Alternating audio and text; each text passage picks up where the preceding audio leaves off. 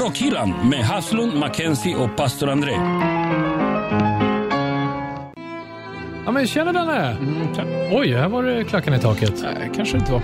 Men du börjar få en liten gubbe då? Är det en Star Wars-figur? Mm, Luke Skywalker utan puffra faktiskt. Ja, en sån ville man ju ha. Verkligen. har Utan puffra. Mm, jag har den här som jag bytte till mig en gång.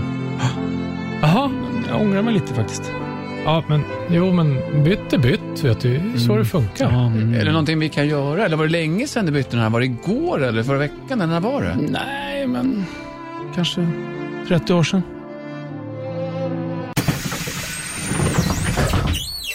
Välkommen längst bak i bussen. Ja, där sitter vi. Välkommen längst bak i bussen på linje 134. Det är också avsnittsnumret av Rockhyllan med mig, Anders Hafslund. Danne McKenzie. Och pastor André. Danne ser lite moloken ut. Nej, jag är faktiskt inte det. Eh, Men vi ska prata om eh, ett byte jag har gjort en gång i tiden tillsammans med eh, Fredrik Åkesson från Opet. Ja, det är han som gästar oss. Ja. Ja, och hans historia, hur han blev den här gitarristen, den mästergitarristen han är idag. Och det blir ju extra mycket musik idag. Och, och mitt i allt det här ska vi leka Angus Young eller Ace Frehley. Och så en liten farlig berättelse Ja. också. Ja. Så att det där, lägg barnen tidigt i så fall. Ja, det var väldigt farligt. Nära ögat upplevelse Ja. kan man ju eh, lugnt säga. Och så till eh, alla där som lyssnar som sitter och eh, pular och nöter på sitt instrument. Vad Några är bra de- handfasta tips. Ja, vad är det viktiga? Liksom? Eh, det är den 31 mars 2021 när vi spelar in det här och du vet att du får gärna tipsa alla du känner om du gillar oss på Rockhyllan. Dela med dig och så följer du på Spotify eh, och eh, Instagram och allt det där. Ska vi rulla igång då? Det tycker Ja, jag. det gör vi. Vad bra. Det blir 200-300% snack i vanlig ordning. Och idag blir det en sån här strängverkstad.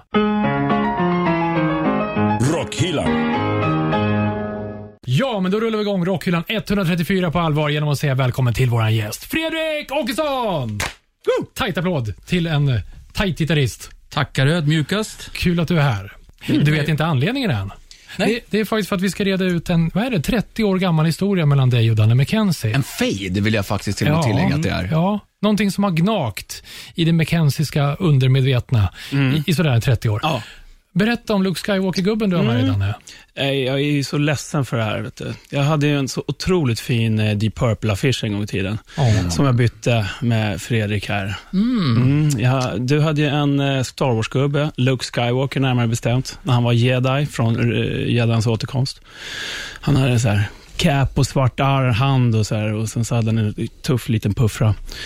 Och så hade ju du sett att jag hade en Deep Purple-affisch. Mhm, mhm. Så där tänkte vi att, eller du tänkte, vi gör ett byte. Och jag Ja. sa, ja.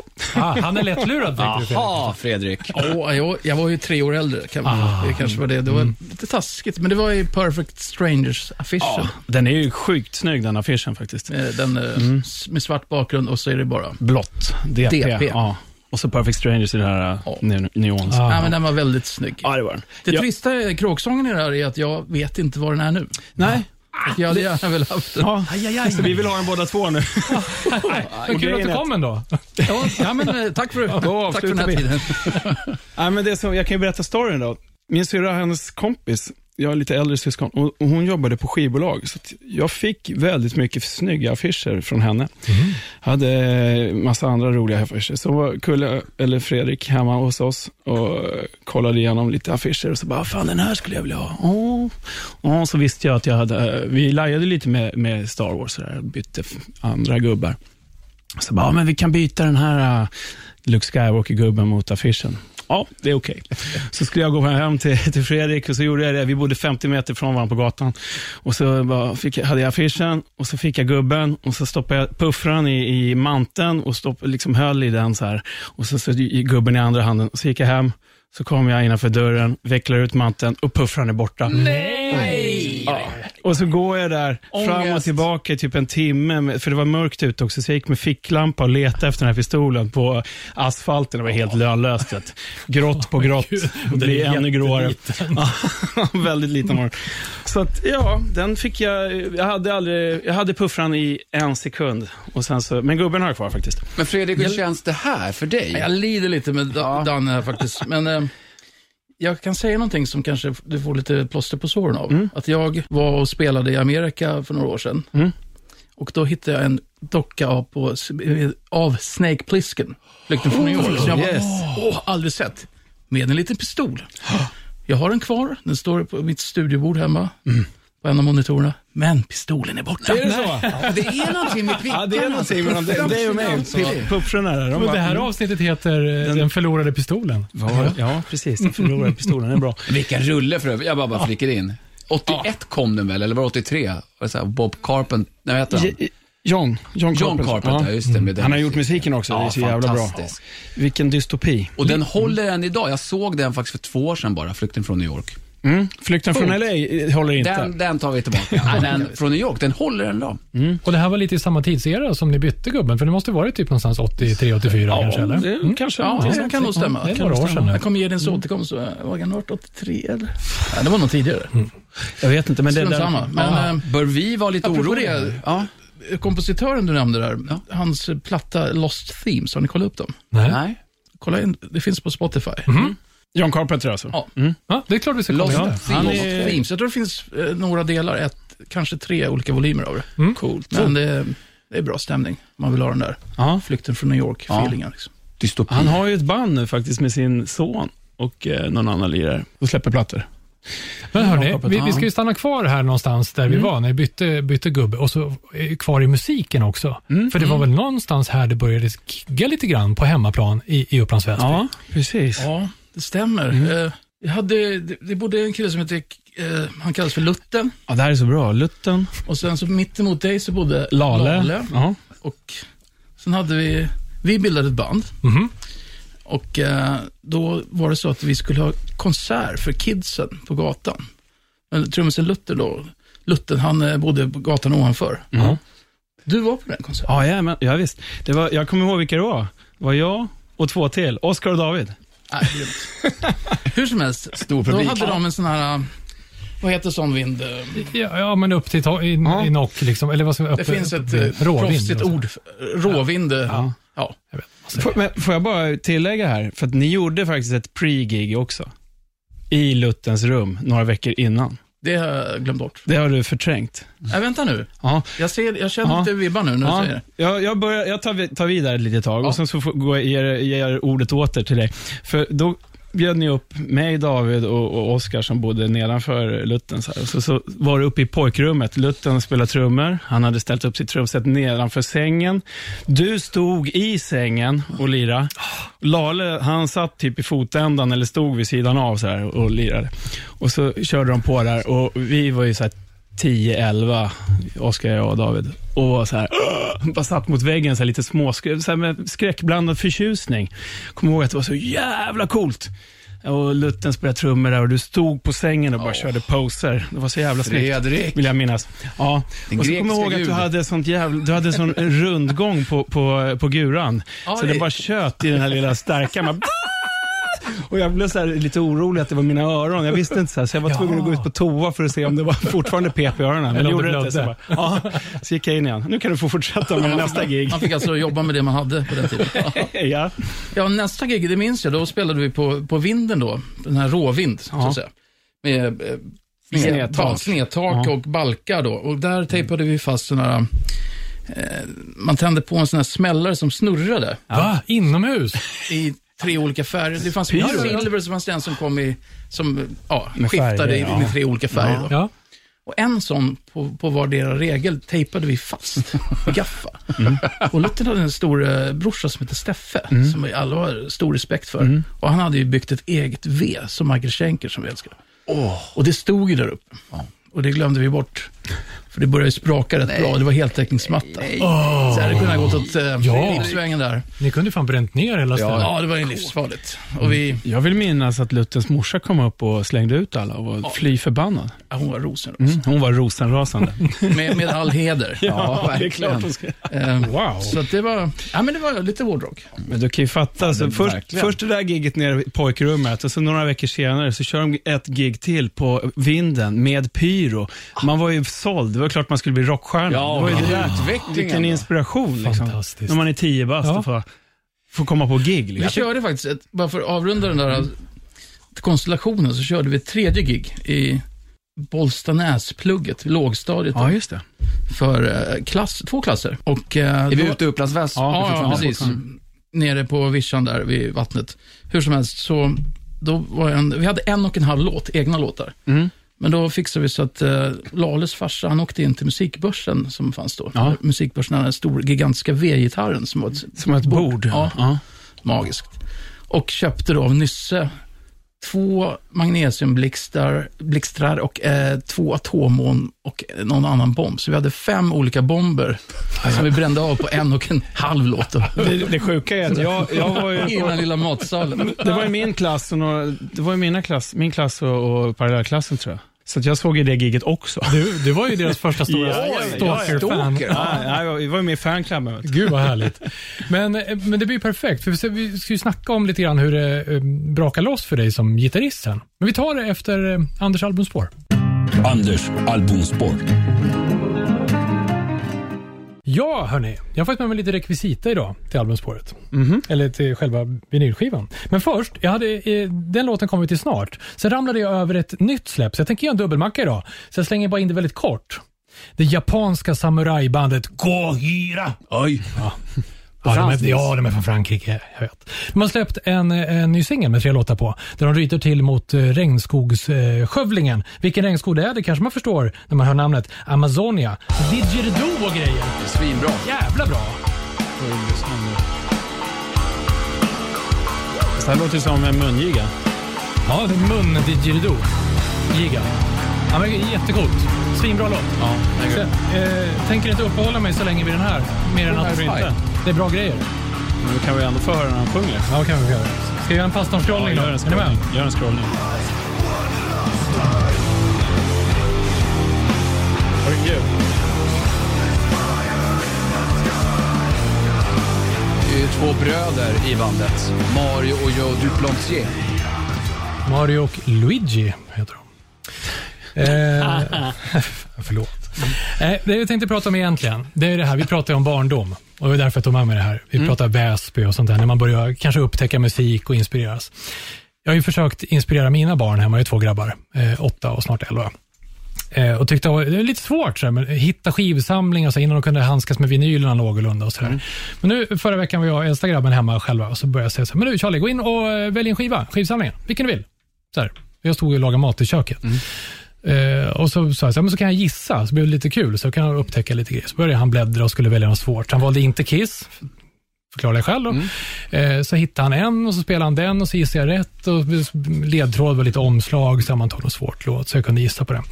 Sen plockade han fram en till skiva och så drog han på en, så vad fan det här känns bekant. Åh, alltså rösten vet jag ju, liksom det, men jag kunde inte placera vilken platta det var. Kan du beskriva omslaget? Då blev det lite tyst där inne och så blev det lite fnittrigt. Ja, så ni... Och så nu ska jag ta fram skivan här så får ni se varför. Jag kan Eh, nästan förstå. Ja, det var, ju, det var ju naket. Oj, Eh, ekivokt. ja, jag ska lägga, vi ser till att jag kommer på någon bild över se Instagram. Det är ju, ja, det är en naken flicka eh, som sticker Vad upp ur planeten jorden och så står det Jordi. Mm. Vet ni vem som sjöng i Jordi på den här tiden? Brian Jonsson. Ja, han före... Ja, jag vet. Men vi är från Väsby, så vi tar det här samtidigt. Alltid, täv- alltid tävling. Ja, Brian Johnson började ju eh, i alla fall lite mer på allvar så i, i, i Jordi. Han spelade där mellan eh, ja, 71 till 80 när det blev ACDC sen. Det var ett brittiskt band. Ja, de var från Newcastle-trakten och Jordi är tydligen ett namn på någon som kommer därifrån. Man pratar med en speciell dialekt och så vidare. Eh, så han drog ju på en låt, en jävla bra låt. Eh, och det är liksom rock'n'roll med blås eh, också. Ska vi få höra? Och så hör man ju såklart Brian Johnson. Vilket år pratar du Anders? Ungefär, eller? Ja, den här släpptes 76. Okej. Låten var dock inspelad 74 redan. Ja. Jag tittar på omslaget. She's a teaser.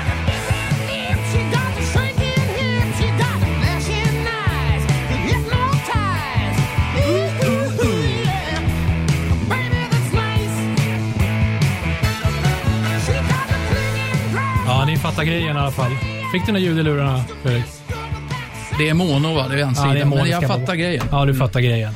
Eh, lite kul tycker jag också är att eh, det som du som lyssnar nu inte ser, att den här skivan kom 76. Det här är före Maidens första platta. Teckensnittet på Save the World, som det är skrivet det är med, faktiskt är ju liksom Maidens eh, typ av bokstäver. Sant.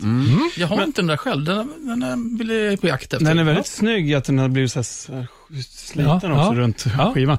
Men du, eh, har jag fel när jag säger att du har haft den där i backen en gång tidigare i ditt score? Ja, kan faktiskt ha haft det. Mm. Eh, Jag för då tycker jag känner bast- igen några tutt... Nej, det här omslaget. jag vet att jag fick bastning för att jag uttalat det någon Ja, men jag, jag kommer också med en varning här. Fredrik sa precis att den där vill jag ha. Nu kommer hans manipulativa förmåga fram här och försöker byta det här med dig Anders. Håll i den. Precis, får se vad de är att byta bort emot. Ja, lite coola grejer. Ja, det är bra. det är Någon bra. gammal Twisted Sister-platta kanske. Åh, ja, Det är trevligt. bra byten. Men eh, Fredrik, vi snackade om det här med att inspirera ungarna till att hitta skiv. Har du försökt dig på några tricks för att få dem att lyssna på bra musik hemma? Eller? Ja, absolut. Ja. Jag, jag är lite vinylsamlare och sådär och, Mm. och spelar en del låtar. Och min dotter Alva är det enda barnet som bor hemma nu då. Mm. Men eh, jag har försökt inspirera henne ganska mycket. Hon har fått ett litet trumset, en eh, keyboard, Mm. eh, en elgitarr och en akustisk gitarr. Sådär ja. Men eh, hon är mest intresserad av att sjunga just nu. ja. Men hon kan lira Smoke on the Water-riffet på, på en sträng. Okej. Så det är coolt. Cool ju. Och eh, även eh, Iron Man med Sabbath. Ah, det är bra. Men hon sjunger, hon sjunger själv hemma? Eller? Ja, hon är väldigt eh, intresserad av att sjunga. Bara growl. Faktum är att hon, hon eh, imiterade en Opet-låt som heter Harry Parent eh, ganska tidig ålder och fick till bra... Jaha. Så Opet kan fortleva även om, när ni inte orkar leverera liksom? Ja, jo. Men det är intressant det där med Kids, eh, för det hon plockade upp s- snabbt, det var ju den här Kiss, I Love It Loud. Mm. Att vissa band kan korsa så många olika generationer. Ja. Och även Europe, Final Countdown-plattan. Rock the Night, den ska man höra tiden. Man blir, nej, inte en gång till nu. Man har hört den här några gånger. Ja. Inget ont om den, men Men det kunde varit mycket värre, om man tänker. Ja, precis. Men äh, extremmetallen och sånt är jag inte helt inne på. Men hon var väldigt Nej. fascinerad av just growlet ett tag. Så. Ja. Men äh, jag försöker liksom få in henne på lite Maiden, Accept, lite så här klassisk new wave, Ja. British metal och så. Men, Men trummorna har hon inte plockat upp än? jo, Hon har det? hon, äh, lite grann. Mm. Eh, hon får till kaggen och virveln. Ja. Opa, pop, opa. Men försöker jobba in, Jobba in hi-haten där? ja, det där vet ju du vad det ja, ja. ja, det. Mm. Det där är ju bra, det är ju en framtid, det hör man ju. Det, jag tror tricket kan vara att man vill inte pusha det för hårt. Nej. För då Jag kanske tror- blir revolt också. Ja. Det måste ju vara att man upptäcker, får giftet själv, att vilja bli bättre på någonting, tror jag är viktigt. För att oftast så, det här pushandet kan ju bli att det blir tvärt nej. Bakut ja. Men den här grejen som, som vi snackade om tidigare, att jag var tio år när, när ni lirade, liksom, att ni bjöd in oss, våra småkillarna på gatan. Det, en sån grej är så jävla grymt, för att det var ju liksom för mig kanske lite avgörande att jag ville börja spela musik. Sen så när jag hade såg Motley Crue första gången så var det bara, ja, Tommy Lee, jag måste bli trummis. Liksom. Det är ju jäkligt kul att höra. Ja, men det är ju faktiskt så det funkar. Man, fan, man kollar in de andra och sen så nu för tiden när man, när man inte får gå med, med kids på, på gig, om de är under 13, kanske och då också. Nej. Det är, så här, det, det är så sent för att få den här skjutsen och bli inspirerad. Eller hur? För att det var ju liksom, vi stod ju där ute, vi hade ju inga öronproppar, vi visste ju ingenting. Jag gick på toa för jag trodde att jag hade fått hörselskador. Men det var ju, bara, det var ju ändå bara känslan av att vara i rummet. Bara, Wow! Man ville ju bara... Man är så mottaglig i den Ja, åldern också. ja. Allt är ju ballt. ja, det är det som är så coolt, att inspirera andra. Det är Till och med en underbart. Rundgång. Ja, till och med en rundgång. Sen, är- men sen en grej som är svår också, som vi pratade om, Charlie som valde ut den här skivan då. Eh, han lirar piano, tycker det är jättekul. Men sen kommer det sådana dippar som det gör när man är liten, kan jag också relatera till hur det var. Att man har verkligen ingen lust. Och då har har pushat på, liksom, man härdar ut liksom, en termin liksom, i skolan. Liksom, sådär. Och sen hittar man tillbaka igen. Men har man dipp efter dipp efter dipp, ja, men då kan man inte hålla på och pusha ungarna, för då blir det ju bara, precis som du säger, då blir det ju skit. Man kan inte tvinga någon att lira. Men hörni, vi ska avsluta Anders albumspår. Jag lämnar alltså Jordi där i, Brian Johnson i höga, tajta, pungtajta, utsvängda eh, brallor, platåskor och ett, eh, ett fint burr. Är, det något, är det någon bandbild på album Nej, eh, det är det faktiskt inte. Men jag ska lägga upp en YouTube-video eh, där de sjunger i någon tv-studio med lite halvt avslagen eh, publik. Du hittar den såklart i Rockhyllans YouTube-kanal och eh, på Spotify. Blir dubbelmacka med Gohira också. Rockhyllan. Det låter som Bob Dylan. Ja, vi rullar på med Rockhyllan 134 med mig, Anders Hafslund. Danne McKenzie. Och pastor André. Och våran gäst, Fredrik Åkesson, gitarrmästaren från Opet, bland annat. Eller ja, nu. Men du har en lång historia med massa band. Och Det är lite där vi ska eh, börja ta oss in på. Vi ska ta oss från den här vinden i Upplands Väsby. Och vad, vad hände sen? Det gick inte så många år innan du började lira med Talisman. Men vad hände Nej, fram jag dit? tror att jag liksom? var i 14-årsåldern då. Ja. På vinden. På Då. vinden, ja. Ja. 13-14 någonstans. Eh, Men när jag var 19 så fick jag giget med Talisman. Men innan dess så, det var ju ett annorlunda klimat och det var väldigt gitarrfixerat. Det var ju hur många kids som helst som spelade gitarr. Och det var säkert en 5-6 i varje klass som, som Det är lirade. mycket. Så det var väldigt hög competition och det fanns alltid några som var, de här snubbarna som var några år äldre, Mm. som man såg upp till. Som var liksom en måttstock en, för att nå en ny level. Liksom. Mm. Så det, det var nog väldigt viktigt för driven just då att det var så. Och sen så kom ju första Yngve-plattan liksom. Och sen var det naturligtvis Van Halen och sådär. Mm. Men när, man, när alla hörde första Yngve, det var ju sån jäkla boom då. Folk var ju chockade. Han hade ju gjort grejer innan med Alcatraz och sådär, men det var just hans första instrumental, Rising Force. Eller, det är två låtar med sång på men eh, första Rising Force helt enkelt. Eh, det vart ju sånt jäkla sug på den. Och folk, alla skulle ju vara Yngve Malmsteen. Liksom. Hur gör man det här då? Ja, det var ju, ja, men det var en käftsmäll helt Ja, enkelt, ja. kortfattat. Mm. Så det var ju, det var roliga tider. Men du fick inspiration därifrån och tänkte, wow, det här vill jag uppnå. Ja, men det började som- egentligen liksom med Ace, med Angus Young och Ace Frehley kan man säga. Ja, Det var där man fick upp intresset av att spela gitarr. just det. Och så fanns ju äldre hårdrockare, så jag minns det var en äldre hårdrockare som hette Ankan som eh, var polare med min plastbrorsa, som han kanske var fyra år äldre än mig. Ja. Och han gav mig en bland, ett blandband med, där det var liksom eh, Sin City med AC/DC, det var Saxon, eh, Princess of the Night. Ja. Eh, och sen var det Accept, Princess of the Dawn. Ja. De snodde från Saxon. ja, just det. Eh, sen var det ja, någon instrumental med John Norum med Fascia. Och eh, Ja, det är ju... Maiden, vad kan det ha varit för Maiden-låt? Det kan ha varit Number of the Beast. Mhm. Och eh, Fast as a Shark med Accept som var liksom, det var också en väldigt viktig grej. Fast Många as a bra Shark med låtar Accept. på den här. Jaha. Det var en sån här grej, på roliga timman i plugget, då var det ju liksom en revolt att lyssna på hårdrock. Ja. Och vi var ju ganska unga då och då var det mitt knäpp att jag skulle sätta på Fast as a Shark. För det började med det Heidi ja, Heidi. just det. Och fröken, hon bara, ja, det var ju... Så Ja, och sen... du, du, du, du. Ja. det var ju en väldigt fin chock, chockeffekt. Ja, det- det man vill åt. Som, Ja. ja. så det var ju, det var hårdrock. Mm. Men sen så, jo, men det var väl, man hörde den där Yngve, det, då- Yngve-plattan, då, då vid 15 års ålder, då började jag träna väldigt mycket på gitarr. 6, 7, 8, 9 timmar om dagen. Själv eller? På... Själv. Ja, okej. Och med kompisar. Ja. Jag hade en äldre kompis, eller har fortfarande, som heter Renne, Ja. som var eh, inspirerande, som var väldigt duktig och en annan kille som heter Stefan Fernqvist. Eh, de var några år äldre än mig och de var mycket duktigare än mig. Och satt man och spelade mycket och, och eh, jag höll på gitarrnörda helt enkelt. Tog ut så här långa Paganini-stycken och jag höll på. Ja. Liksom, det var rätt extremt faktiskt. Vi jobbade på en fabrik också, där min pappa fixade in oss, jag och Renne. Och eh, då satt vi tävlade mot varandra. Ingen ville visa liksom för den andra. Nej, såklart. Så Ni var på arbetstid smög vi ner i våra arbetsoveraller. Det byggdes kyldörrar till sådana ICA-affärer. Och eh, vart ertappade av chefen. Ja. Så vi fick sparken. Nej. Nej. Och så var det din farsa som hade fixat jobbet. Ja, precis. Det var, Ja. Det var inte så, eh, var inte så ja, populärt.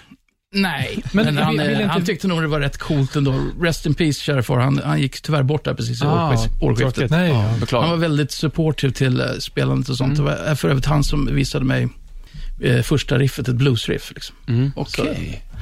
Men eh, hur som helst, så det var, ja, det var lite där. Men, men fick inte du kontakt med Yngve sen också? Och spela med honom, liksom sådär, övade med honom? Eller? Ja, men var det, det bara var- snack?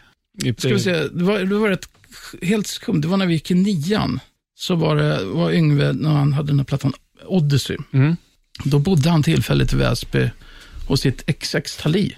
Mm. Och då var hon snäll, så jag och min polare Robban eh, Winterhagen fick komma upp och få lite plattor signerat av Yngve. Stort. Och sen så, det var ju helt otroligt. Ja. Så fick vi sitta där och lira lite grann. Och så hamnade jag kvar där. Och så började jag spela, jag spelade en sån här ganska kort, eller långsamt neoklassisk lik. Typ du du du du du du du du Lite så Bach-fugaktigt. Han bara, fan hitta på en egen stil för fan. Den hårda skolan där. Men då, i vilket fall, för att göra en lång historia kort, så, så drog han med mig in till Hard Rock Café. samma kväll. Ja, typ. Ja. Jag tror det. Och eh, drack, drack en stark bira där liksom. När du gick i nian. Ja, Vad var han då? 14?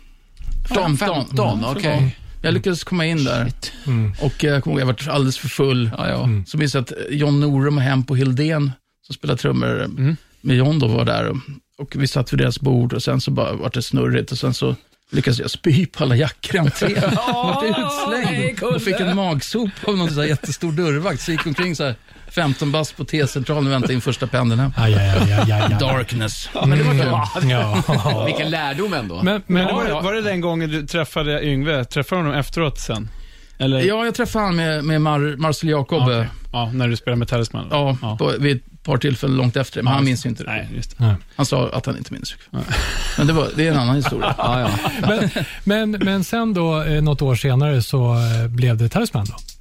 Ja, precis. Det var så, då jobbade jag, jag gick aldrig gymnasiet. Utan eh, jag var helt eh, inne på att jag visste att jag, jag ville liksom satsa allt på det här, spela gitarr. Mhm. Och eh, min eh, kära far sa ju då att, eh, ja men du får på dig tills du är 19. Sen måste du börja liksom plugga. Så fixade han det här jobbet så jag kunde tjacka min första Marshall-förstärkare och sådär. Och sen så lyckades jag få det där jäkla gigget så, när jag var 19. Precis på målsnöret kan man säga. Men backa bandet där. Du fick, hur fick du det här giget? För att man brukar ju säga så här, det är 10 000 timmars träning på för att bli bra på någonting. Eh, Och du satt 8-9 timmar per dag och tränade gitarr. Och hur, hur fick du det här giget? Alltså, Ja, vi hade ett band, vad hette, vi hette Trespass tror jag. Okej. Och vi, fick, vi vann en talangjakt och så spelade vi in en singel i Bruno Glenmarks studio. Och eh, det var lite så här shredja-solen på den. Och den fick Marcel Jacob eh, tag på via min exfru faktiskt, Mimmi. På något vis. Okej. För att göra en, Ja, ja. Ja, ja, han fick tag på den i alla fall. Ja, han fick tag på den och eh, plötsligt så var det, vill du komma och provspela? Jag bara, va? Är det sant? För de var ju rätt stora då. Så. Ja. Och de hade ju spelat med Rising Force också, han och Jeff Scott Soto. Mhm. Eh, på de, det är Marching Out med Yngve där, som man fortfarande då gillade, I'm Viking, de här klassiska låtarna. Liksom. Så det var ju väldigt pirrigt. Så minns jag, jag var på audition på Fryshuset, då var det fyra andra gitarrister. Och eh, så, så ringde han på kvällen då. Ja, du fick gig. Nej. Ah, vad härligt. Ska vi ge honom en... eh, Ja, jag tycker en rock'n'roll applåd. Och sen blev det, har du hunnit avverka eh, allt möjligt eh, kul. Eh, Tiamat, Arch Enemy, Crux Krux, inte Ja. att förglömma. Ja, verkligen. och nu eh, och en massa annat kanske. Och sen fram till Opet då. Eh, ska vi ta lite musik på det här? Sen så ska vi ge oss in. Det var kul du nämnde Ace Frehley och Angus Young, för vi ska leka lite Ace eller Angus här eh, om en stund. Det lät som bra eller anus. Ja, det, kan, ja, Angus, det, ja. det, det beror på Ja, ja. hur man ser. Är du beredd med, skiv, med skivbacken? Kanske Ja, det kanske det är. Då kör vi då. Mackenzies freeback. Ja, jag tänkte prata lite om vinyl faktiskt. Nähä. Jo. Eh, nu för tiden så lyssnar jag nästan uteslutande, jag kanske inte lyssnar uteslutande på vinyl, men när jag köper eller skaffar skivor eh, så är det vinyl. Jag köper inga CD-skivor för jag har ingen CD-spelare. Den lilla detaljen kan jag faktiskt göra så att det blir lite svårare att spela. Men jag tycker inte det är lika roligt. En vinylskiva är ju någonting speciellt, i alla fall för mig. Man köper den lite med omslaget och alltihop och det här man plockar ut konvolutet liksom och känner på den. Och, bara- Och doften. Gärna att det är en sån här gatefold också, så man får veckla upp och sitta och titta, eller hur? Det är, det är roligt liksom. Man känner doften, precis som du säger, om alltihop där. Gammal garderob. Ja, lite så. På ett trevligt sätt. Ja, den här Jordi-skivan jag har med mig, den luktar, du får lukta på den sen. Den Ja. luktar jättegammal. Gammal gubbe luktar den. Kanske, kanske det finns andra orsaker till det. Ja, det kan det göra. Hur som helst, så ehm, jag to- har tagit med ett band som jag har hjälpt lite med eh, ljudet på denna skiva, för jag har varit med som eh, trumtekniker till ett eh, väldigt bra dödsband här från Stockholm som heter Lik. Mm. De vann ju eh, P3 Guld här för ett par veckor sedan. Eh, grattis till dem. Och eh, Plattan som jag är med och stämmer trummorna på heter Misanthropic Breed. Och Jag tänkte ge lite smakprov, för att jag har, jag har blivit lite såld på det här bandet. Jag tycker det är så jävla bra. Nu är det tvåtakt. Nu är det tvåtakt och det här måste jag faktiskt göra en liten trestegsraket. För att eh, här, det kan låta på lite olika sätt, om man säger så. Det jag gillar ju ett band, eller band, ja men så här, när man, också det här med, med vinylen också, att man har tänkt ut, det är ett litet intro och det är, låtarna ligger i bra ordning och man har ett outro. Så det blir liksom knyter ihop hela säcken. Och sen så en skiva som inte är två timmar lång, utan den är så här 30 minuter, så man vill höra den gång på gång. Och sen så känner man här topparna och dalarna i musiken, för att låtarna ligger rätt. Och det har de verkligen fått till, tycker jag, på den här plattan. Så att eh, den här låten som jag tänker vi börjar med här, heter Funeral Anthem. Den eh, är en liten, ganska lugn bit, för att vara dem.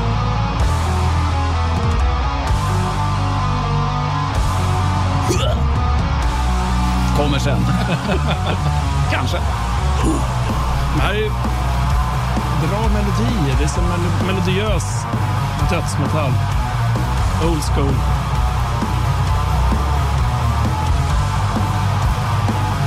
Till och med Anders diggar ju. Och så kommer basen här. Håret slänger. Bra Anders. Bra basljud.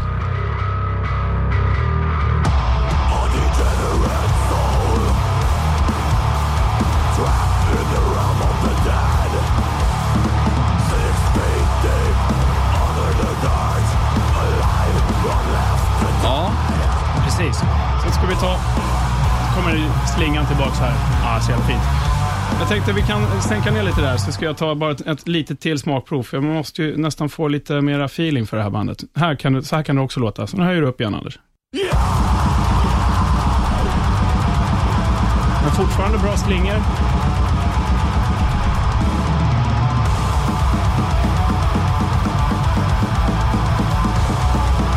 Jag ska säga också att... eh, jag ska bara höra. Så ja. Snyggt. Och så sista lilla biten här i trestegsraketen.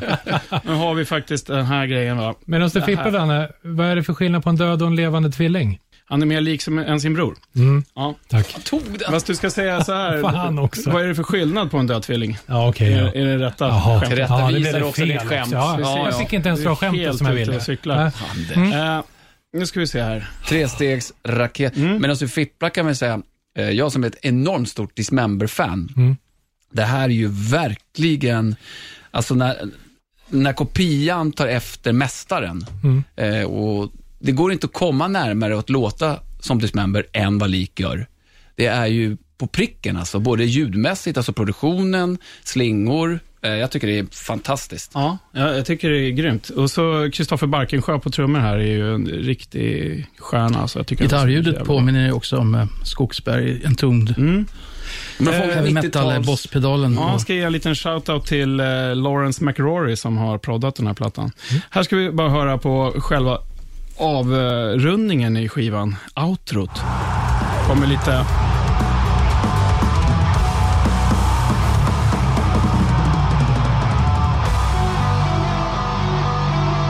lyssna på det här intro, eller outrot hur länge som helst. Jag tycker det är så jävla bra.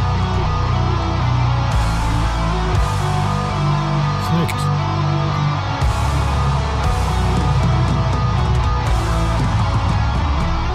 Bra musik som man kunna lufttrumma till. Och det kan man. Ja, det är sant. Ja. Ja, det var jävligt snyggt. Så att eh, idag slänger jag in eh, Misanthropic Breed, som plattan heter, med lik. Och jag hittar väl på en av de här låtarna som jag tänker jag slänger in i, i skivbacken sen. Och den finns både på Spotify och eh, vart fan du är nu vill Du är kolla. så duktig Danne. Internet. Rockhyllan med Haslund, Mackenzie och pastor André. Ja, det här är Rockhyllan 134. Vi rullar vidare och eh, vi har ju Fredrik eh, här på besök. Och nu ska vi leka Ace eller Angus. Och det var ju kul du nämnde dem tidigare som sagt. För vi ska, du ska få gissa om de här fyra eh, ja, ska vi säga, beskrivningarna eller händelserna, vad det nu blir, är Ace Frehley eller Angus Young jag pratar om. Eh, en av de här två herrarna eh, har precis som Elvis, det är Elvis Sandwich, det här med bröd, jordnötssmör, banan, pizza, hamburgare, ja men du vet han hade. Så har han någonting som han kallar för chip butty, som är bröd, smör och pommes frites. Då säger jag, är det eh, Angus Young eller Ace Frehley? Is really. Nej, det är faktiskt Angus. Så han säger, om man får välja mellan middag med presidenten eh, eller det här, en chip butty så tar han hellre sin pommes frites-smörgås. Fan, det låter jätteäckligt. Ja. Ja. Ja. ja, jag vet inte. Det är ingen som bjuder in till att hålla formen på turné kanske. Nej. Har det varit mycket så här, eh, har du några matincidenter eller träningsincidenter under turné? Det, alltså, det är ju som att gå in i en fälla. Ja. Mm. Kalorifälla. Mm. För eh, man äter ju dessutom, ja man äter ju oftast frukost, lunch, middag, men sen ska det alltid vara after show food. Ja, Så när du har gjort gigget, då är det ju floder av öl som alltid finns. Och sen så kommer du in turnébussen då, om man åker turnébussturné, ja, säkert 20 sådana feta kartonger med pizza för alla ska käka pizza då. Mm. Och så det gäller att försöka låta bli det där för att det är inte hälsosamt. Alltså. Men, men har ni det på riden? Ja, men det är också crewet vill käka. De är hungriga, de sliter och bär och Såklart, det är skitjobbigt och allting. Så att, Jo, men för, förstås, men jag tänker att ni som är i bandet kan ju ha annat. Det kan vi ha. Vi kan ju bestämma Men sen själva. efter vi har druckit öl, då, Då vill ni ha... då det. Ja, ja, du tänker så. Men träningen då, Kom, kommer den in ibland i några sammanhang? Ja, jag försöker. Ja. Jag har försökt på sistone. Ja. Det är svårt, ja. men eh, jag försöker dra ett gym och sådär, men det har gått sådär. Mm. Men det, eh, man är ju inte 30 längre, så att man får ju faktiskt tänka till lite nu. Vi har Eh, pratat, man vill ju rock till you drop, va, så att, Ja. eh, det gäller att vara lite taktisk här. va. men vi har pratat någon gång i Rockhyllan förut om eh, träning under turnéer. Mm. Man kan säga gummiband. Det är svårt att bära med sig alltså, vikter kanske, men det går att göra massa armhävningar, band och... Jag har en liten pinsam rolig historia om gummiband. Jag hade faktiskt ett sånt med mig. Och så var vi i Tyskland och skulle lira någonstans och då satte jag upp det överst på en dörr. Det fanns någon liten krok där. Och stod så här och drog. Aj. Aj, aj, aj, aj, Jag skulle träna någon sorts rygggrej. Och så släppte ju den där kroken. Så jag fick ett piskrapp rätt över bröstet. Och det var så nära. Det var precis innan vi skulle gå upp och spela också. Det var så jäkla nära att det gick hål. Det var liksom, Oj. Jaha. ja, en så här, vad ska vi säga, 40 centimeter långt skärsår över hela bröstkorgen. Vi måste ställa in, jag har tränat. Och jag, jag skrek och de andra de skrattade gott. Ja, ja, ja. Jag får bjuda på den. ja, då kanske det är bättre att göra som, var det Boppers som hade med sig skivstänger ute på turné en gång i tiden? Ja, just det. De var ju riktigt fitta där. Ja. Eller de, vill, ja, de låg och pumpade ordentligt. Så att eh, deras crew var inte så glada på dem. Att de Nej, hade med sig omkring det där. Nej. Det var ju lite så här, när jag, när jag var yngre, då var jag, innan jag satsade allt på musiken, var handbollsmålis. Det var den sista sportgrejen jag höll på med. Då precis började jag öva mycket gitarr. Och då fick jag en sån här jävla handboll precis på pekfingret, Ja. så det svullnade upp till, Dålig sport Till en, för eh, att spela gitarr. till en bratt först. Liksom. Och eh, då bestämde jag själv, sport går bort. Ja. Ja, farligt. Farligt Fredrik. Mycket dumt. Ja, det är det. Ja, när vi går tillbaka till Ace eller Angus så ska du få ett eh, till påstående. Den är gitarrist, rockade skorna, alltså du vet som man rockar strumporna, hade olika skor på sig på en bandaudition. Mm, mm, mm. Ace Frehley. Ja, det var det ju. Han hade ju så bråttom till sin audition 1973 eh, och gjorde framförallt ett dåligt intryck på Gene Simmons enligt uppgift som tyckte att det var en jävla slarver som kom in där. Ah, Mm. Mm. så redan där var det lite... Ja, det en började, liten skiss. det började ju så. Ja. Har du gjort någon sån där nervös audition? Ja, men vi pratade om Talisman förut. eh, Som du... Ja, hur var det? Var det, var det jobbigt? Ja, men det var ju nervöst, Ja. men eh, det är ju bara att kasta sig ut för stupet. Ja. Jag har gjort en del, jag- göra konserter kan man ju vara lite nervös för innan och sådär, men jag har gjort några sådana grejer när jag varit på musikmässor och lirat lite. Och då är man ju mera, Skärskådad. ja, Mm. det kan vara rätt jobbigt. Att sitta och prata om gitarr för några och vissa så här grejer. Mhm. Det känns inte helt bekvämt. Utlämnande. Ja, utlämnande, Ja. tack. Mm. Rätt Ja. ord. Eh, Men eh, efter ett tag så börjar, kommer man in i något sorts flow. Ungefär som, som vi förhoppningsvis har här nu. Nå, men, har ni någon audition? Danne, har du gjort någon? jag har faktiskt gjort en audition med, eh, för Hanoi Rocks. Ja. Ja. Mm.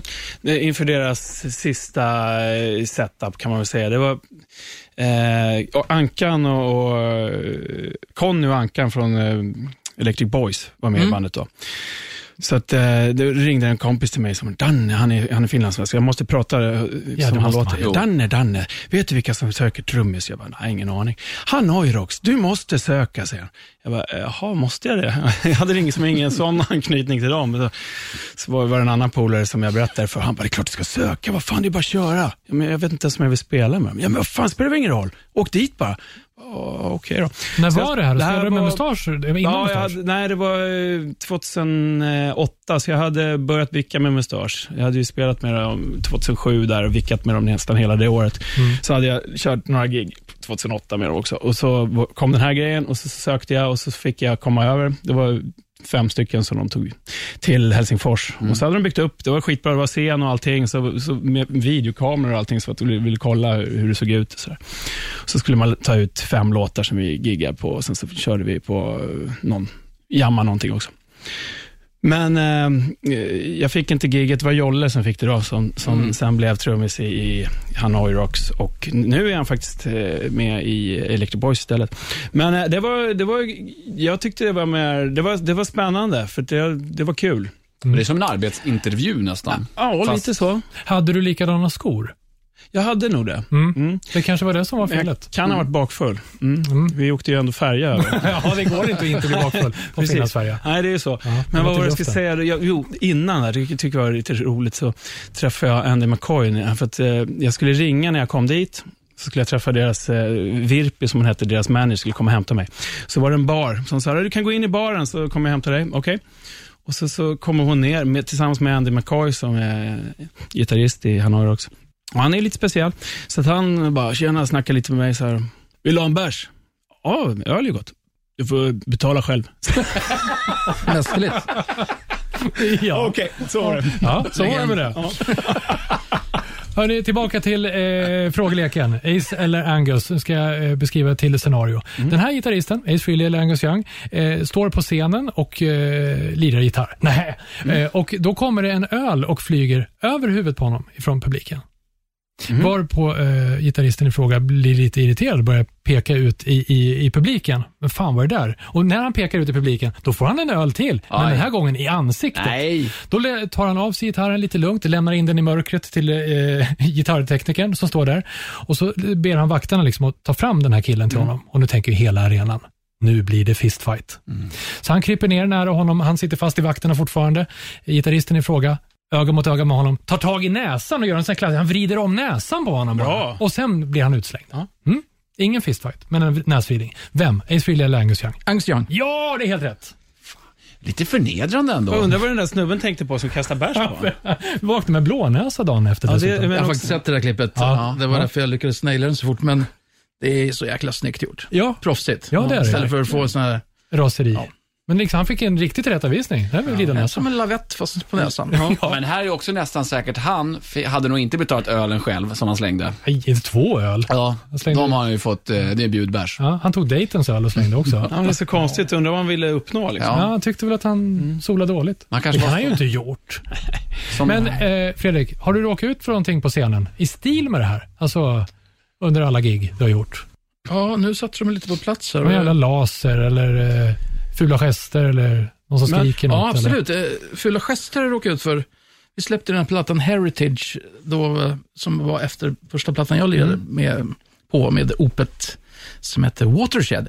Då, um, då var, den var lite kontroversiell med, med våra fans, så att säga. De, för det är ingen dödssång på den. Ja, just det. Just det. den eh, ja, den, vi spacade ur lite där. Första plattan helt utan eller? Ja, precis. Ja. Men den var väldigt dunkel i stämningen ändå. Eh, hur som helst, då spelar vi i Bilbao. Nej, det är Spanien va? ja, Ja, nej, jo, Bilbao. Det är Spanien. Norra Spanien. Och då var det en kille som var helt vansinnig. Publiken stod lite längre ifrån och bara gjorde, pekade finger helt enkelt. Först åt Micke och sen åt mig och spände ögonen med och gjorde så här, hugga halshugg oj, grejer. Ja. Så det var ganska, Nej, det var det gick trevligt. över gränsen. Ja. Liksom. Ett finger kan man ju ta, men det var, och det var inte bara en gång, utan det var liksom hela ska tiden med en liksom. jättevansinnig blick. Åh, fy. Och då, då, på den plattan, så hade, då, det precis efter Dio hade gått bort, och då gjorde vi en Rainbow-pastisch på den, som hette Slither. Och eh, då, i solot där, kom jag ihåg att då var jag så trött på den där snubben, för jag, jag körde Blackmore, ja, Blackmore-inspirerat solo helt enkelt. Och tänkte, jag vill bara stirra på medan jag gör det här solot för att reta upp honom ännu mer. Liksom. Så gjorde jag det. det. Men det var lite obehagligt, han var lite så här, Ja. han kanske var, ja, lite dunkel figur. Så vakterna sa att de kände igen honom, så det var lite så eftergivet. lite. Påtänd då kanske. Det var, ja, definitivt. Ja, Fan. Det, det gick bra i vilket fall, men det var lite så här. dumt gjort. Men det hände inget mer? Det att ingen, inget, inget, han kom upp Nej, på scen? Nej. men i, i den vevan på den turnén, då var det en kille i USA, jag tror att vi var i Dallas eller Texas. Eh, eller Texas, vad säger jag? Dallas ligger i Ligger Texas. Texas. Doj. Eh, vi var i Dallas och då var det en kille som skrek till Micke, I challenge you to a duel. No. Oj! Kasta handsken. Vad fan. I Texas menar de ju allvar med sånt. Ja, så här. Ja, skit. Ja, hur gick duellen? Nej, det vart inget. Nej, det blev inget. Men jag måste De, bara de berätta. pra- var på tal om värja där. Vet du. Ja. Ja, just det. Fan, den är skön. Oj. Ja. Men jag måste berätta om, så här, om obscena gester. Det är inte så obscent, men när, när jag var spelade förr mycket i, i Finland och i, i Baltikum, så var det väldigt ofta som publiken, snubbar, stod och pekade finger. Ganska länge, typ en hel låt kunde de stå så här. Och man tänkte, vad fan har de på med? Men sen så, så kollar man nästa gång, då stod de och sjöng samtidigt, så sjöng med i låten och pekade finger. Jaha. Det är så jävla konstigt. Fuck, Jag, jag vet att jag har berättat det här Ja. förut. Men det är, du, har, du har inte tänkt på det när du är på västra delen, eller på att säga, östra delen av Nej, faktiskt inte. Skandinavien.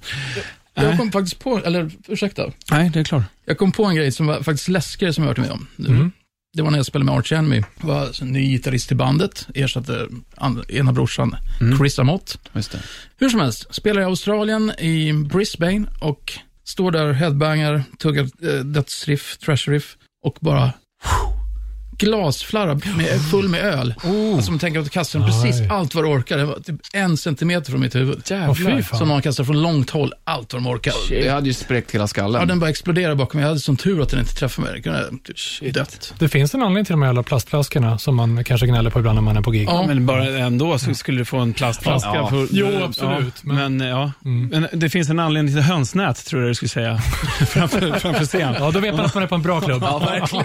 Precis. När vi ändå håller på har jag faktiskt en story till, Kör. if I may. Ja. Som var, jag kom på det absolut det farligaste vi har varit med om under ett gig. Ja. Med Opet. Ja. Vi spelar i Florida och vi är med på en turné med Dream Theater. Mhm. Som heter Progressive Nation och vi spelar innan Dream Theater. Och då i USA har de en sån här eh, fire curtain, eh, brandväggsgardin då. Och i botten på den så är det som en tjock trästock. Och eh, jag, Martin Mendes och Micke står ju längst fram och så har vi trummor och keyboard där bak. Och vi står och spelar. Och det var inte Drapery Falls tyvärr, vi spelade just då. Men eh, så plötsligt bara hör vi, ser vi publikens ansikten bara så här, chockerade. Vi tänkte, wow, fan, det måste varit bra. Det var så? precis efter gitarrsolo. Ja, schysst, schysst. bananer. Eh, Så vänder vi oss om, då har den här gardinen droppat i liksom, livsfarlig fart. Oh. Och stannat en meter från marken. Men hade man fått den i huvudet, det hade varit good night direkt. alltså. Aha. Var det, vad sa du, var det bakom er? Det var emellan oss och trummisen och keyboardisten. Shit. Eh, Axel Roth och Per Wiberg. Ja, ja. Och det var en gigantisk scen. Liksom. Jävlar. Så hade Rena. den nuddat, då hade det varit tack och godnatt. Absolut. Den eh, pajade i något gitarrställ och någon symbol som bara sprack. Mm. Jävlar. Men ja. det här hänger faktiskt ihop, för den här storyn hade du dragit, tror jag, om jag hade frågat dig. Men nästa påstående här nu. Så att du fick nästan med den. För den sista i Acel Angus är så här. Den här gitarristen eh, fick en sjuhelvetes stöt på scenen när han tog i trappräcke som varojordat. Eh, och han höll i guran också samtidigt. Så han tuppade av och sen när han väl kvicknade till så hade han ingen känsel kvar i händerna, men han fortsatte hela gigget ändå. Va? Yes. Vill du ha en ledtråd? Ace. Det- Jag skulle säga att det blev en låt av den här incidenten sen, som heter Shock Me. Ja. Så är det klart det var Ace Frehley. Ja. Den bästa ledtråden. Och Rätt svar. Följdfrågan hade ju varit till dig Fredrik, har det hänt något sånt här läskigt på scenen? Men det var du ju inne på. Ja, ja, jo. Verkligen. Fan. Bra jobbat hörni. Eh, det blev, eh, ja men det blev en vinst till, till, till, dig. Ja, Ja, det det är blev det. Ja, så vi, är en rockig applåd på det! Och så går vi vidare till pastorn Chalmers, Sälken Struken. Pastorns psalm. Nu ska jag ta er till en tidsera och ett band som jag är inte alls bekant med, utan i sökandet på ny musik, som jag gör rätt ofta, så kommer jag i kontakt med det här svenska bandet som jag hade hört väldigt mycket om, eller alltså hört namnet, men aldrig riktigt lyssnat på. Eh, Så var det en kompis som tipsade det här, men lyssna på det här, det är fan årets bästa platta. Ja, ja, jag har hört det där förut av honom, att det är årets bästa platta, så jag bara, ja, ja. Visst. Sen lät jag det gå ett tag, för jag struntade väl i det där. Tills så här för några veckor sedan faktiskt tog upp det och började lyssna. Och fick en wow-känsla. Så jag tänker börja med att citera internet, vad de har skrivit om det här bandet. Internet. Vilken var det för källa? Internet? Det är enda trovärdiga. Och då säger jag då, bandet X förtrollar sina lyssnare med sin äventyrsrock och magiska atmosfär.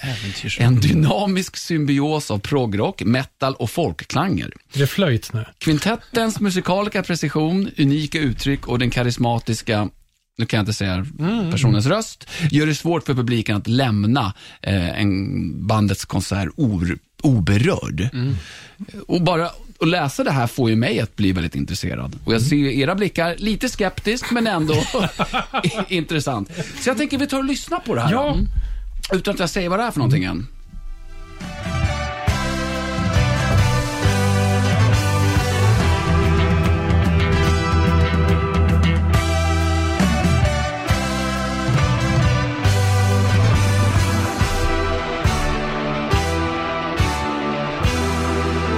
Svårt att placera i tid än så länge tycker jag. To the depth of broken souls and the waters of righteousness, isolated and alone. Var det svenskt? Ja, svenskt. Widespread wilderness you roam at the venom inside of you. Could these ends be Han går igång med keyboarden i alla fall. Ja. Jag tycker det är... Eh, Vad kul att du säger Anders att det är lite svårt att sätta vilken tids. För det är ju 1700-talet. Ja, det var lite så. Men det är ju alltså en ny platta. Men vet du vad, jag, får jag gissa vad det kan vara? Ja. Eh, kan det vara med bandet Hellas? Mm, det var det jag tänkte också faktiskt. Ja. Ja. Ah, bra spottat. Eh, jag var inte alls bekant med dem, men jag blev verkligen betagen av den här plattan. Mm. Alltså. Jag tycker det var suveränt. Mhm. Det är ju 70-talsstuk på det, skulle jag säga. Och 1700-talet som Danne sa. Ja, just det. Finns det lite Uriah Heep-gung där med? Och, Ja, väldigt Mm. mycket. Jag tycker att eh, det hela den här plattan, nu kommer jag inte ihåg vad den heter faktiskt. Det är Hellas i alla fall. Tears of a Traitor heter spåret vi fick lyssna lite Mm. på här. Eh, kan varmt rekommendera. Och det här är så kul för att det här går ändå lite utanför ja, men min kopp av te vanligtvis. Vi har ju någon låt som vi kör i fysen med de där. Star Rider, heter den så? Och hårdrocksfysen. Jaha. Hårdrocksfysen. Ja, Okej. Det, kan, det, det kan vara fel. Ja. Jag kan vara helt ute och cykla nu, men jag tror det. Ja. Ja, men bra, coolt band. Det måste jag kolla in. Ja. Ja, Hellas med ä. Inte och eh, blanda ihop med Helgas som är ett, tys- eller, förlåt, ett polskt. Ja, från Krakow. Ja, Ja, har ju köpt skivor. Eller blanda ihop med Hellas med E som är ett eh, handbollslag. Just det. Det man Ah, eller Hellasgården. Ja, precis. du ser, det är svårt. Ska vi fortsätta? Handboll, ja. Ja, extra ljus. Hälla. Ja. Eh, Nej, men, Tack ska du ha. eh, Ja, Ja. Är djupt imponerad av det här och eh, kommer fortsätta att lyssna, gå tillbaka i bakkatalogen här och Roligt. ta till mig. Mm. Eh, Och det här spåret, Anders, det ska jag tala om för dig. Det kommer ligga uppe i både Spotify och på Rockhyllans ja, YouTube-kanal. men följ där, Ja, du som lyssnar. Ja, tack. Me cago en la puta madre que los parió. ¿Dónde están los siete enanos? Rockhyllan.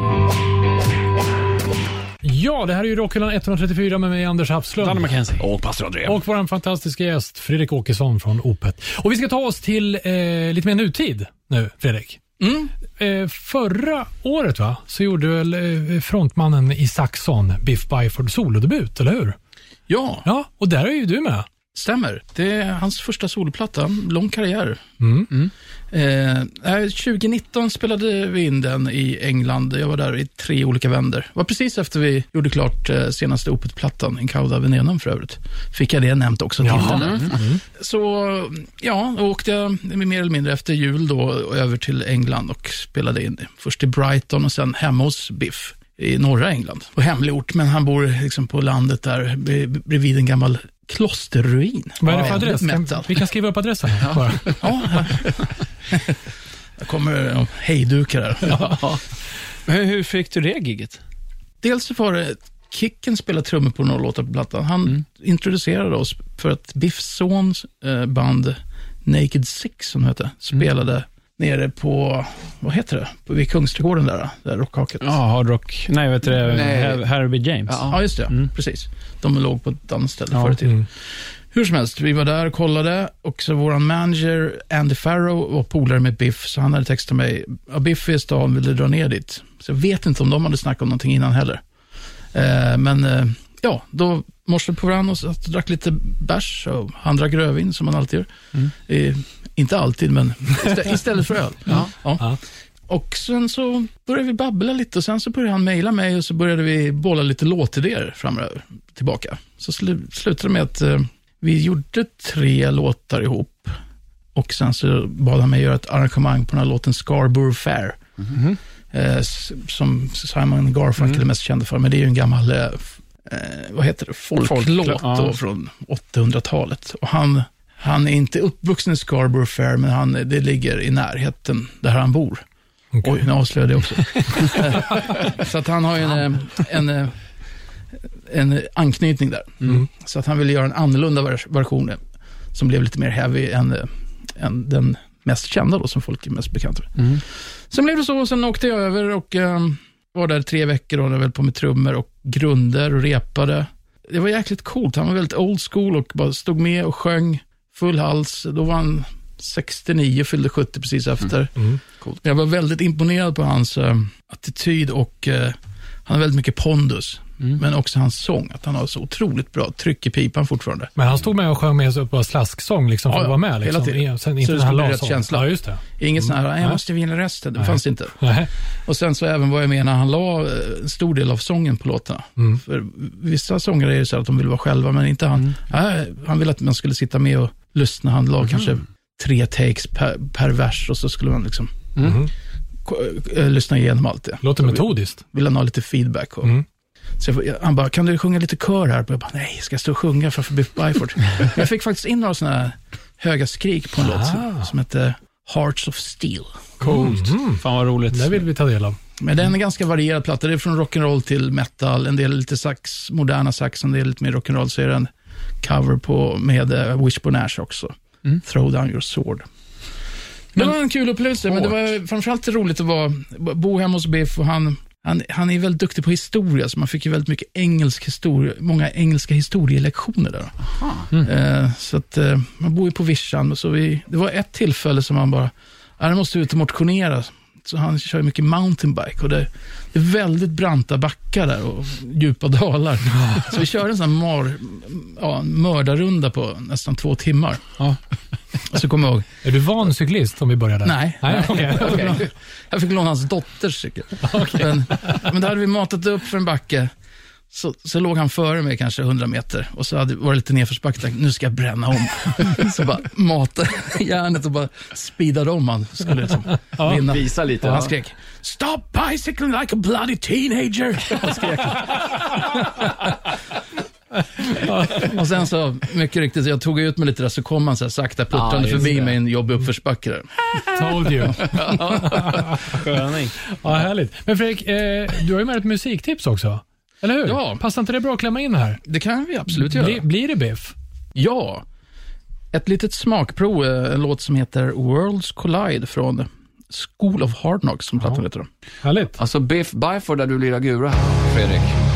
Ja, jag, jag har hittat på melodin med den. Det här. Sätt på luren nu Fredrik så att du hör det själv. Jaha.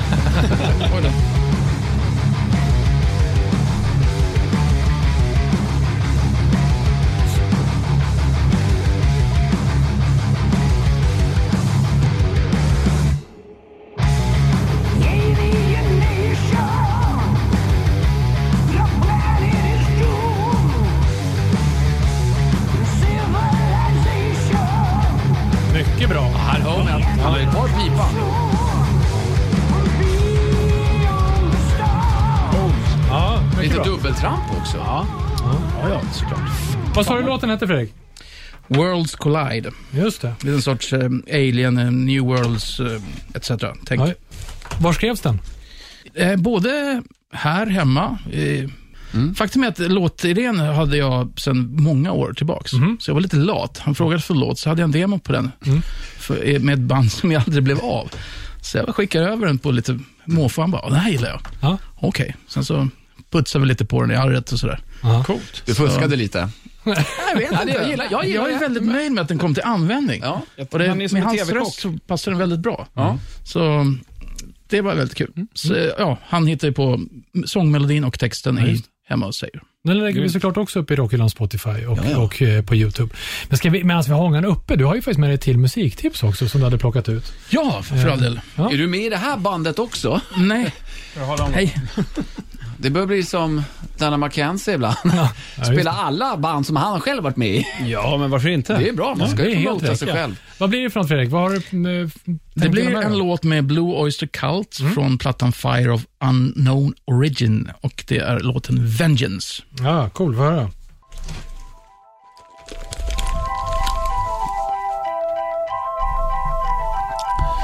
Lite lömskt intro.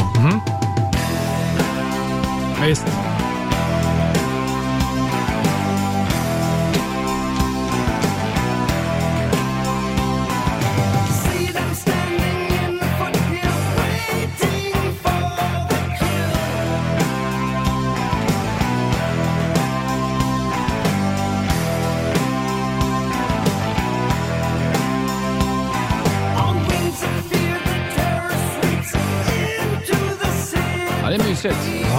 Ja, man kan få lite vibbar av ett nutida svenskt spöklikt band också här. Ja, Om man det kan man. Ja. Fredrik, är det någon anledning till att du valde den här låten eller artisten eller alltså? Det är en av mina absoluta favoritlåtar med dem.